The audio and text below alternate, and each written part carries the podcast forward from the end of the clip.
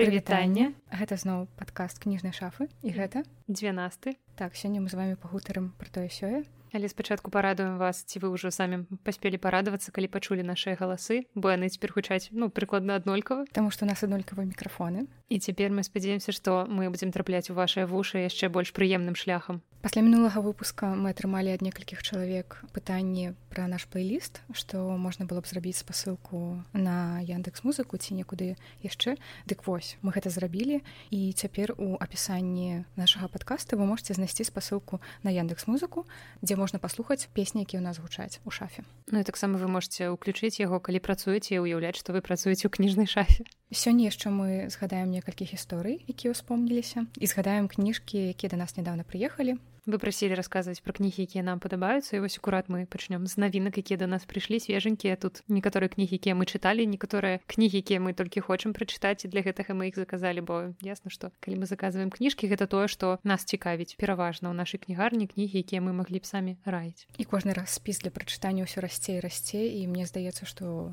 жыцця не хопіць на тое каб усё прачытаць Але калі хоча кніжная шафа раптам зачыніцца у нас будзе вялікая бібліятэка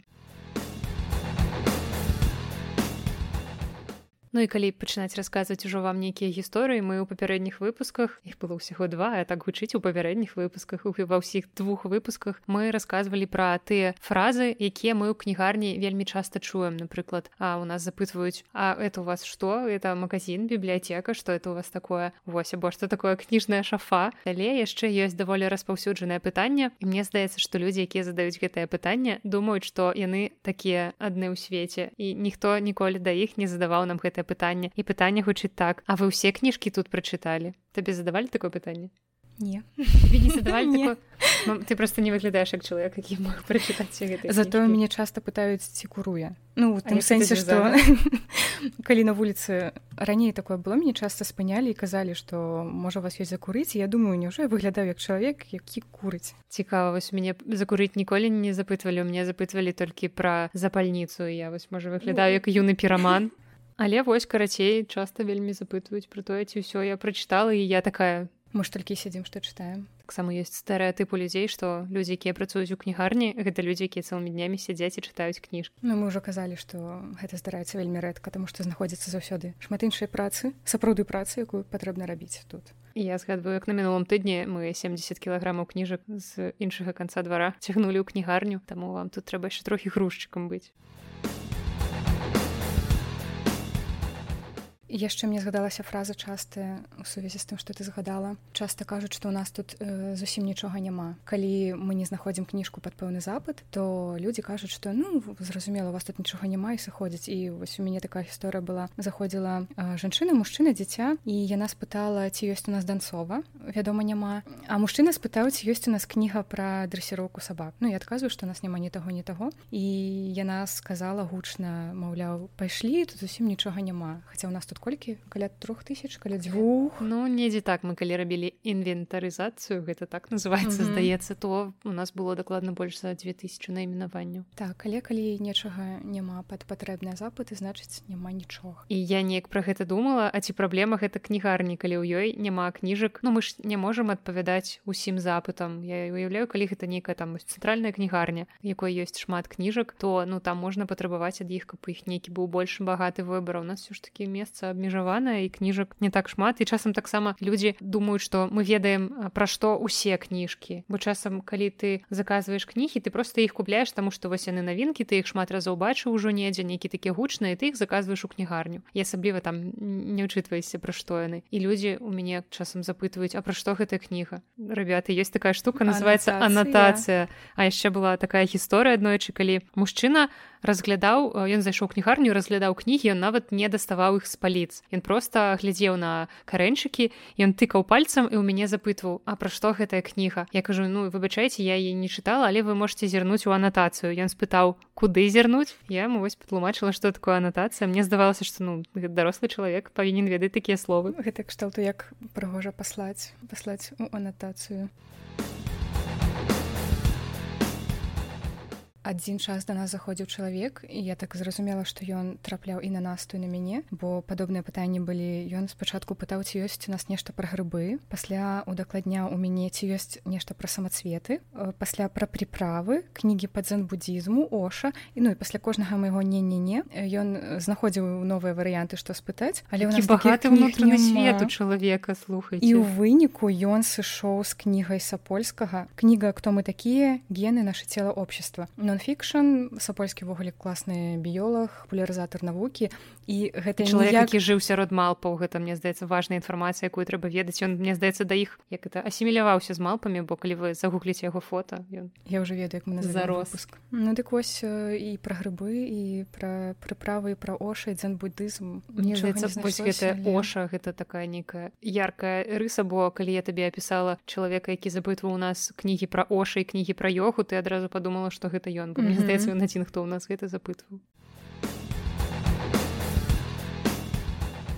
А яшчэ вельмі часта людзі блытаюць імёны пісьменнікаў Ну і ладна калі чалавек там прызнае сваю памылку попрасіў імя там якога-небудзь аўтара а яго завуць не так я папраўляю чалавекой выбачаюся так даруйце так яго завуць але аднойчы была жанчына якая прасіла ў мяне роман булгакова доктор жывага і калі я і сказала что доктора жывага як бы напісаў пастырнак я даслоўна тады запісала я фразу она мне сказала вы что меня за дуру держите? Часам просто трэба людзям вучыцца прызнаваць свае памылкі ты згадала пра імёны. Мы вось з тобой размаўлялі пра наст што нам пішуць водгукі і згадваюць наше імя і я знайшла гісторыю якую дасылала таксама нам у агульны чат. У нас ёсць э, такі рабочы рабочы нерабочы рабоча сямейны чат шафы. Знайшлася такая гісторыя калі тэлефанаваў мужчына і першае што ён спытаў а я Сергея могу увидеть? Ну, вядома што не. Это некая будучыня у нас ёсць відэа тэлефоны так і мы показываем Сергею тут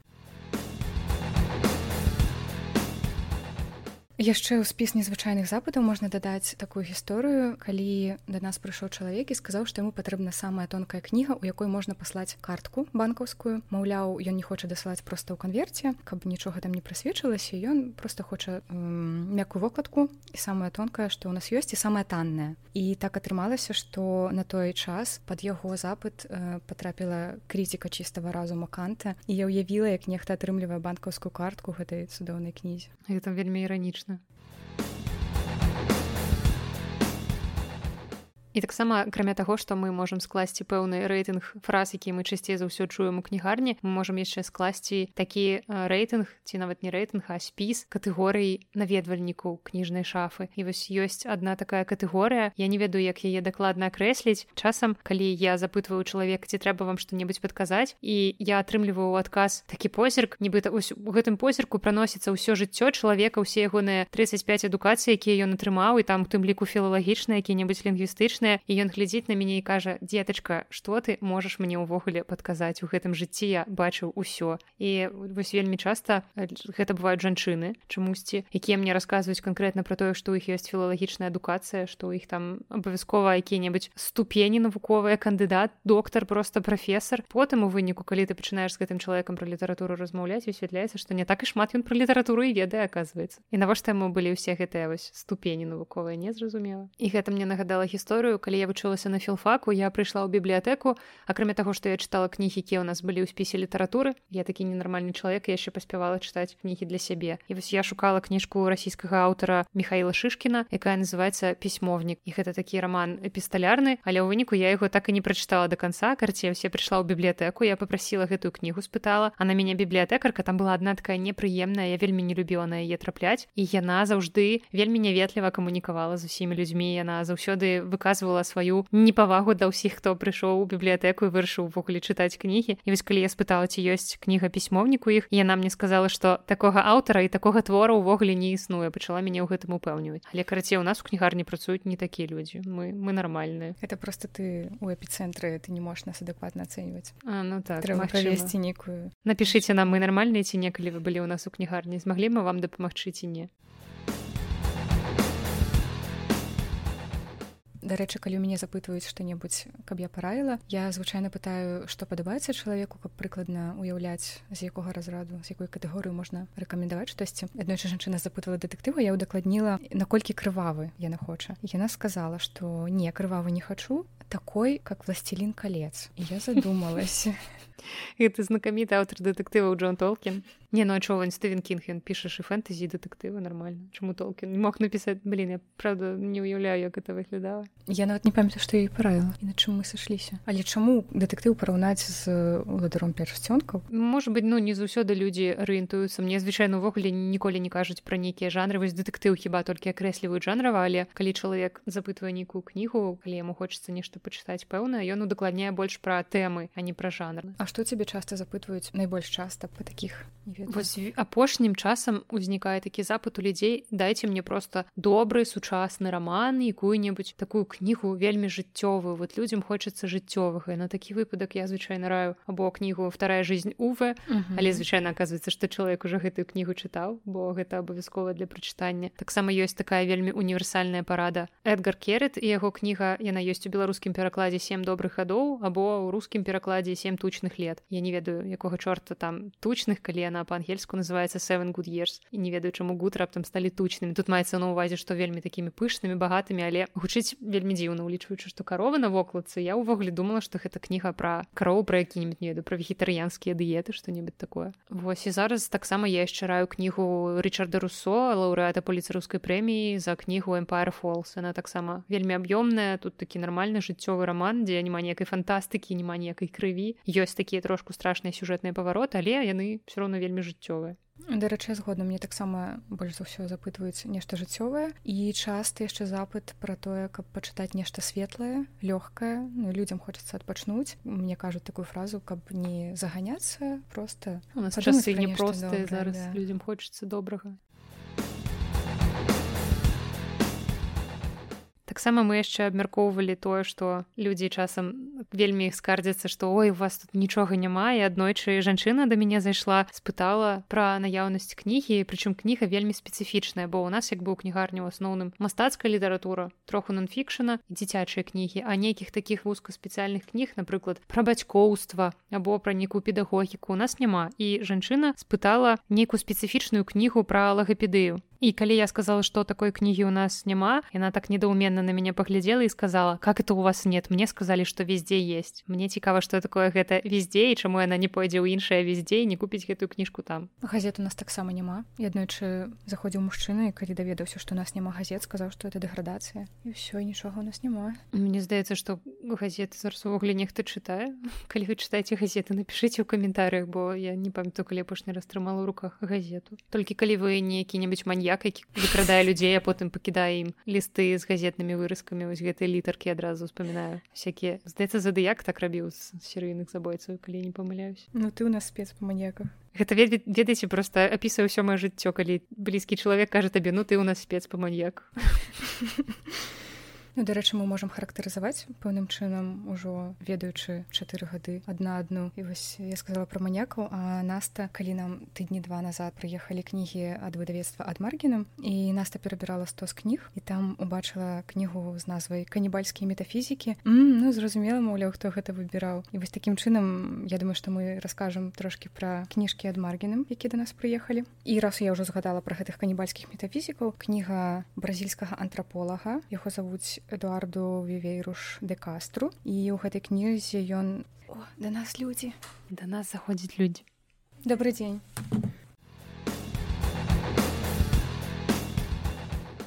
Я не чытала гэтую кнігу. Мяне зацікавіла па-першая сама назва і па-другое тое што гэта даследаванне антрапалогіі з пункту гледжання сучаснага нейкага падыходу. Аўтар атрымліваецца ў 2009 годзе чытаў лекцыі у нейкім універсітэце. А цяпер нам тэлефануюць. Может быть гэта Сергей. Книжная шафа добрый день нет к сожалению нету. До свидания запытвалі андерсона з залатым абрезам падарачнае ізданне такога у нас на жаль няма. Але кніжкі з залатымі абрэзамі гэта без густоўшчына да? ну, стрёмна у нас было 100 гадоў адзіноты здаецца вось гэта эксклюзіўны класікі з залатымі абрэзамі это не такое. Я памятаю толькі біблія залатым абрэзам біблія залатым абрэзам просто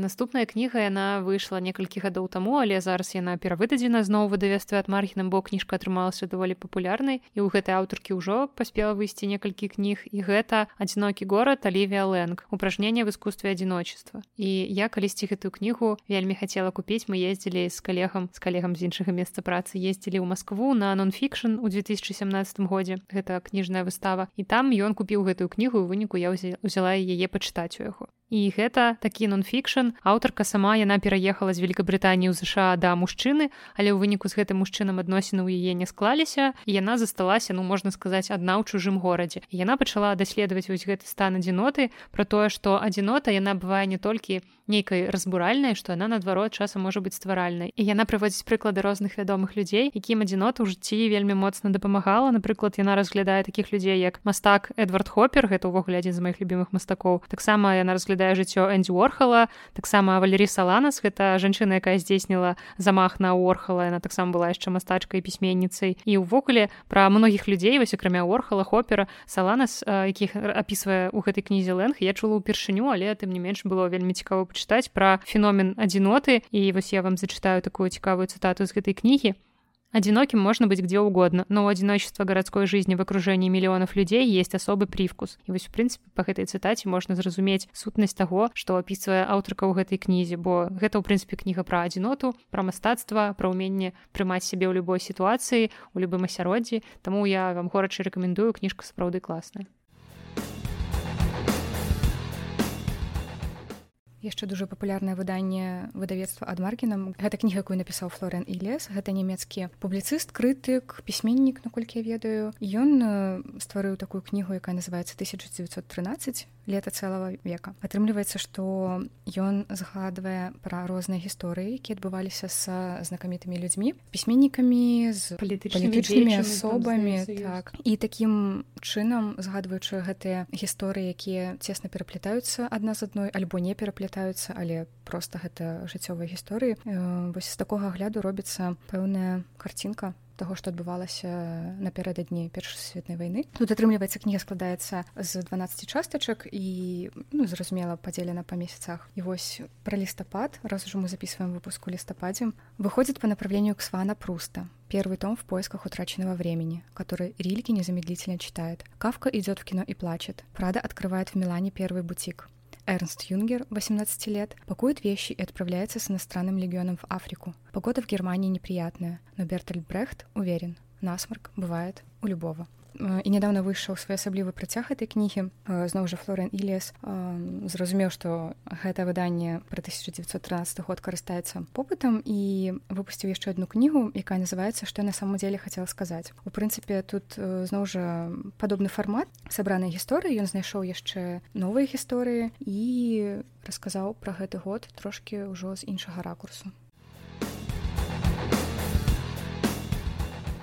І яшчэ одна кніга Аліві Лэнг, про якую я хочу расказаць, але я яшчэ і не чытала, акурат хачу яе прачытаць, бо тэма цікавая і кніга называется путешествие к источнику эха, почему писатели п'ют. Мне здаецца, у Аліві Лэнг увогуле ёсць нейкае мастацтва загалоўкаў, калі яна сама піша сабе гэтыя загалоўкі, а не потым яны нейкую выніку разважанняў з рэдактарам прыходзіць да гэтых. Але ну назву кнігу яе заўжды вельмі класная. І вось гэтая кніга тут прынцыпе у назве ўсё раскрываецца, почему писатели п'ют, яна разглядае жыццё такіх асноўных вядомых нам аўтараў, дарэчы, ну не ўсе все вядомыя хаця тут так напісана што вядомыя пісьменнікі але напрыклад эрнест хемінгуэй фрэнсіс скотт фіджеральд і теннесі уильямс гэта ну сапраўды даволі вядомыя аўтары я іх чула. Але такія людзі як Джон берриман Джон чівер і рэймонд карвер гэта імёны якія я чую упершыню Мачыма я зараз прызнаюся ў нейкай сваёй непісьменнасці але ну мне здаецца гэта не самыя вядомыя імёны вось нас таксама не ведае так што мне не сорамна. І вось яна расказвае пра вось гэты скажем так не самую прыемную звычку і самую карысную у гэтай гэтых вядомых аўтараў яна разглядае іх жыцці і ў канцы нават што мяне пазабавіла я калі разгарнула старонку выпадкова ў канцы там было 12 шагов ананімных алкаголікаў. Гэта вельмі распаўсюджаная штука якую прынцыпе людзі ведаюць якія сутыкаюцца з гэтым. І мне спадабалася як у канцы у частцы ад аўтара алівія лэнг напісала у хемінгуэя фиджеральда і чивера арфаграфія изрядных рамала. Я сохраняла в цитатах специфические особенности их орфографии хотя и сама запнулась на слове специфически вось так можно даведацца что для того каб стать пісьменнікам абсалютна не абавязкова валодаць арфаграфіяй за што яшчэ люблю выдавецтва ад маргінам гэта за тое што у кнігах часта сустракаюцца па-першае класныя назвы а па-другое назвы частак у гэтых кнігах таксама нейкія адметныя звычайна доўгія. Вось напрыклад яшчэ адна кніга якая да нас прыехала. Ей напісаў вольфрам айленбергер. Гэта нямецкі даследчык. І кніга называется время магов. Великое десятилетие філасофіі 1919 1929 і атрымліваецца што тут сабраныя гісторыі пра тое якім чынам у 1929 годзе на канферэнцыі прысвечанай пытанню што такое чалавек выступалі хайдегер і касірар это вядома вядомыя нямецкія касіражны таксама нямецкі да філосафы і таксама там згадваецца прозвішча яшчэ бенінамі і віткенштейна гэта ўсё людзі якія разважалі пра філасофію разважалі пра тое што такое чалавек. І пэўным чынам яны ну, асабіста кантактавалі. І мне падабаецца вось як я згадала гэтыя назвы частачак напрыклад хайдегер готов к схватке касірыр вне себя беньямін танцует з гёты а вітгенштейн ищет чалавека зразумела што гэта не сухія кнігі у якіх пададзена такая нейкая безэмацыйная інфармацыя а ёсць і моманты якія цікавыя. Я просто разгарнула на рандомнай старонцы. Мне спадабалася гэтая фраза. Когда хайдегером овладевает демон мышления его тянет и к новым эротическим приключениям. Или наоборот Эрос и мышление для него, как Эллина по духу, это не только философски исторически одно целое, экзистенциально у них тоже один исток. Я вось Настя сказала што калі мы гэта зацытуем то нас ніхто не будзе слухаць я просто вы таксама адчулі сябе тупым калі гэта паслухалі я просто я таксама адчула сябе тупой калі гэта прачытала але калі чытаць назву як ну там время мага можна падумаць што гэта зусім фанфік, фанфік на гары поттера яшчэ одна кніга якая таксама можа вам дапамагчы адчуць сябе тупым. Увогуле калі вам гэта патрэбна звяртайцеся мы тут заўсёды рады. Дык вось кніга дэвіда грэбера называется бредовая работа яна мяне вельмі зацікавіла назвай сваім афармленнем. Я таксама вядома ж яе яшчэ не чытала. Класны падкаст мы рассказываем пра кнігі які не чыталі. ну, насамрэч вось алівілым я чытала да. І карацей гэта гісторыя аўтара які вырашыў увогуле аднойчы напісаць эсэ на тэму бредовай работы. Тут маецца на ўвазе тая праца якая скажем так не вельмі патрэбная. Карацей вельмі шмат людзей лічаць што яны займаюцца чымсьці што увогуле нікому не патрэбна. Напрыклад вось можна паразважаць пра працу ў кнігарні. Вось наколькі ўвогуле абгрунтавана існаванне кнігарняў. У наш час калі ёсць інтэрнэт-крамы калі вы можете любую кнігу па-першае купіць не выходзячы з дому я вам яе даставіць а по-другое вы можете яе купіць танней бо ну не трэба атрымаць штат супрацоўнікаў не трэба арендаваць памяшканне напрыклад. Вось мы раскрылі ўсе карты. Так і як бы ну навошта патрэбная кнігарні? І многія людзі могуць сказаць што ну ваша праца абсолютно бредовая бессэнсоўная непатрэбная ось як ты думаешь? Мы патрэбныя людзі ці ці ўзнікала у тебе адчуванне што ты робіш нікому непатрэбную рэч працуючы тут. І зараз это вельмі складана под подгружаецца камп'ютар подгружаецца бо мне здаецца што людзі многія прыходзяць да нас у кнігарню не для таго каб просто купіць кніжку ну вядома ж ёсць і такія каму ну просто хутчэй забегчу кнігарню каля дома чым чакаць заказ. Але людзі прыходзяць сюды за эмоцыямі і гэта нейкі новы ўзровень сервісу бо вы напрыклад калі прыходзіце па малако ў краму вы не чакаеце што з вами будзе прадавачка абмяркоўваць якасці савушкавага прадукта або что там яшчэ ёсць брест літоўская дарэчы ты сказала пра эмоцыі я згадала то ну сапраўды гэта тое мабыць дзеля чаго мы працуем ці не ў першую чаргу Таму што калі прыходзяць людзі якія актыўна рэагуюць на тое што бачаць папяровую кнігу то гэта дарагога каштуе. Я памятаю дзяўчыну якая прыйшла з маці сюды яны выбіралі доўга кніжкі спачатку хацелі купіць здаецца аўтабігра не не аўтабіяграфію вангога была у нас? Ну пра вангога у нас біяграфія. была вось ну не аўтабіяграфія. А пасля яна ўбачыла што ў нас ёсць кніга петрасян дом в котором як у я загарэліся вочы яна ледзьве тут не падскочыла кшталту вау вау усё мы пакупаем! І я адчуваю як мяне просто перапаўняе радасць за тое што чалавек знайшоў тое што ён хоча прачытаць гэта непадробныя эмоцыі і ты гэтымі эмоцыямі таксама зараджаешься або таксама калі чалавек якому ты параю кніжку прыходзіць там праз некаторы час прачытаўшы гэтую кніжку з класнымі эмоцыямі yeah. ён задаволены што ты параю і ён хоча каб ты параю нешта яшчэ. Таксама вось у нас ёсць такія пастаянныя пакупнікі. Вось акурат нядаўна хлопец які тут насці граў на гітары нейкую шафе ён купіў і звычайна ён у мяне прасіў кніжкі такія вось акурат з гэтых запросаў што-небудзь такое вось для душы што-небудзь добрае такое светлае ён расказваў мне якіх аўтараў ён чытаў і гэта ну звычайна скажем так не вельмі інтэлектуальная літаратура але таксама яна ў прынцыпе мае права на існаванне пакольку яна такая вельмі душэўная і вось гэты чалавек сказаў што яму сябар параіў пачытаць кнігі букоўскі і я адразу задумалася бо ну такі пераход пасля вось тых добрых пазітыўных романтычных кніжак да букоўскі будзе не самы просты. Я ему патлумачыла як бы пра што ў прынцыпе творчасць букоўскі што ну гэта не самае светлае што вы прачытаеце ў жыцці. Ён пагадзіўся на тое што ну возьму возьму узяў прыйшоў праз тыдзень можа праз два і кажа гэта просто лепшае што я чытаў за апошні час давайте яшчэ мы сказалі яму яшчэ некалькі кніжак букоўскі і вось дзеля такіх момантаў мне здаецца мы і працуем І калі працягваць пра кнігу антраполага дэвіда крэбера ён напісаў эсэ под назвай о феномене бредовай работы і гэтае эсэ вельмі завірусілася. Праўда я пра яго не чула вось даведалася толькі калі кніжка выйшла але яно было за мяжой вельмі папулярнае. І многія людзі раптам пачалі задумвацца пра тое што іх праца абсалютна бессэнсоўная што яны займаюцца нейкімі абсалютна бессэнсоўнымі рэчамі. І всех так сталася што ў наш час мы пачынаем все больш усе часцей думаць пра тое што мы робім нешта бессэнсоўнае ці можа гэтай бессэнсоўнай работы на насамрэч становіцца ўсё больш дзе такой працы больш калі ты працуеш на сябе калі ты працуеш у нейкай дзяржаўнай установе? І як можна як это напісана ў анатацыі как можна остановить бредавізацыю эканомікі мне просто вельмі падабаецца гэты тэрмін і я вельмі зацікавілася гэтай кніжкай вельмі хачу яе прачытаць тому что я не лічу тое что я раблю бредовым. Я лічу что я раблю вельмі патрэбныя рэчы і в прынцыпе ўсё что я раблю я раблю гэта для людзей а калі ёсць нейкі эмацыйны складнік калі ёсць там нейкая сувязь паміж людзьмі то я лічу что гэта ў любым выпадку не можа быть быць бессэнсоўным бо важнасць эмоцый асабліва станоўчых эмоцый у наш час вельмі складана пераацаніць у нас атрымліваецца вельмі філасофскі выпуск.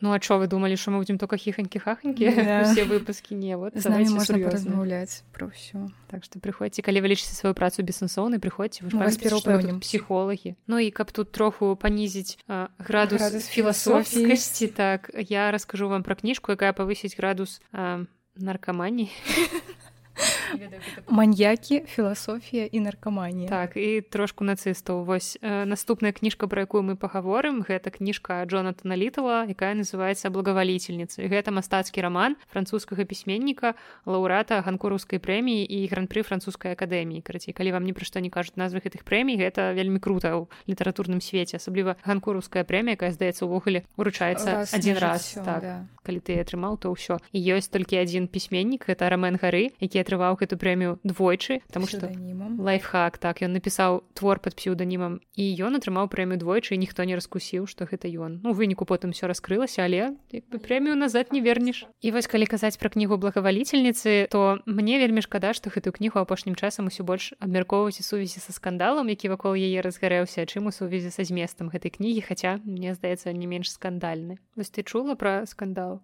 Пра цэнзуру так ну цэнзуры не ведаю наколькі можна гэта назваць цэнзуры гэта хутчэй такая унутраная цэнзура рэдактара здаецца карацей сэнс тым што калісьці некалькі гадоў таму выдавецтва ад маргінам выдала кнігу вось гэтую благавалительніцы пераклала яе на рускую мову выдала і кніжку чыталі людзі а потым нейкі перакладчык здаецца з латвіі ці з літвы калі я не памыляюся вось нейкай прыбалтыйскай краіны ён гэтую кніжку прачытаў паколькі валодае рускай мовай і ён быў знаёмы з аўтарам з джонатаном літалам ён яму напісаў ты ведаеш што ў рускім выданні цябе троху парэзалі карацей аказалася што пры выданні рускай кнігі з яе знікла ну старонак 10-20 недзе так. Просто рэдактор ці перакладчык вось я не памятаю хто канкрэтна калі э, гэтую кнігу выдавалі вырашылі што ай ну што гэтай сцэны не патрэбныя і сутнасць гэтай кніжкі ў тым што гэта ўспаміны афіцера сс максіміляна ауэ ён уже вайна скончылася ён жыве здаецца ў францыі у яго есть жонка ён вывучыў французскую мову ці ён валодаў ёю раней. І у яго зараз нейкая ёсць нават праца. Ён здаецца нейкая фабрыка ці завод нешта такое. І ён жыве і пераасэнсоўвае сваё жыццё успамінаю все свае ваенныя злачынствы. І яшчэ сэнс тым што ў гэтай кнізе вельмі шмат гомасексуальных сцэн. Яна даволі ўвогуле такая брудная тут вельмі шмат нейкіх фізіялагічных рэчаў таких плоцевых рэчаў. Зразумела што не ўсім гэта можа падабацца але замест таго каб не выдаваць гэтую кніжку рэдактарка вырашыла што ну давайте мы яе пачыкаем і выніку яны пачыкалі вось так на 10-20 сторонок. І быў вялікі скандал і зараз гэтая кніжка перавыдадзена ўжо праўда мяккай вокладцы она вялікая для яе гэта такі даволі маштабны мінус што яна выйшла ў мяккай вокладцы і цяпер гэтая кніжка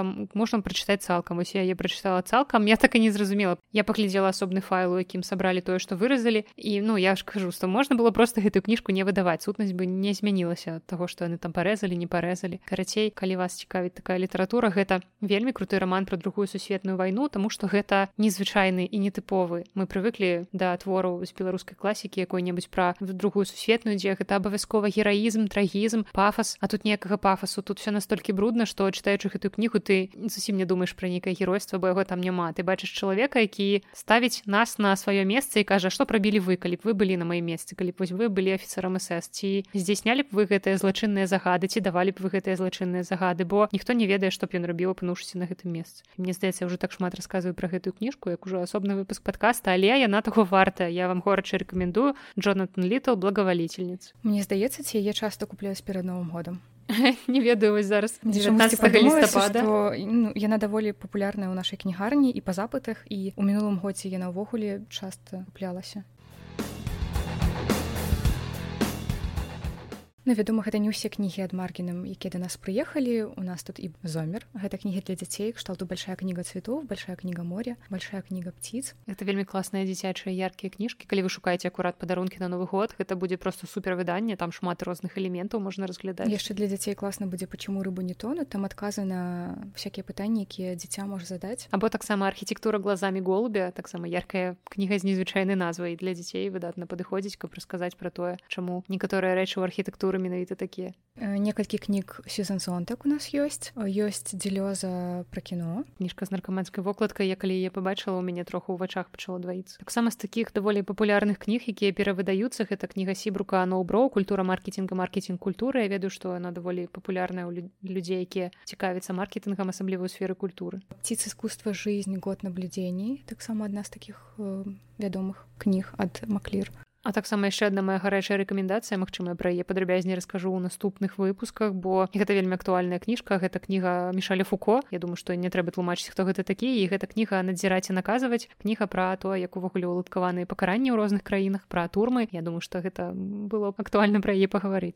І ёсць напрыклад яшчэ кніга віда акціва ханы арент яшчэ адна кніжка калі вам спадабалася паводле апісання кніга і леса пра 1913 год гэта ўвогуле тэма якая стала даволі папулярнай у аўтараў пераасэнсоўваць розныя гады. Таксама з'явілася кніга шонфлуга. Время каметы. 1918 і кніга озбринг 1947 год когда все начиналось А таксама калі вы цікавіцеся актуальнымі сучаснымі гарачымі пытаннямі то я раю вам кнігу хайнс. Может ли гендер меняться Ну і гэта далёка не поўны спіс таго, што ў нас ёсць у продажы ў кнігарні з выдавецтва ад мархінам. Гэта такія кніжкі, якія лепш адзін раз пабачыць, таму што яны ўсе незвычайныя яны адрозніваюцца ад тых кніг, якія мы прывыклі бачыць у іншых выдавецтвах. Гэта ўсё такія вельмі дызайнерскія штукі, нават калі вы е не прачытаеце, то хаця б пагартаць, памацаць, яна будзе прыгожа стаяць у вас на паліц.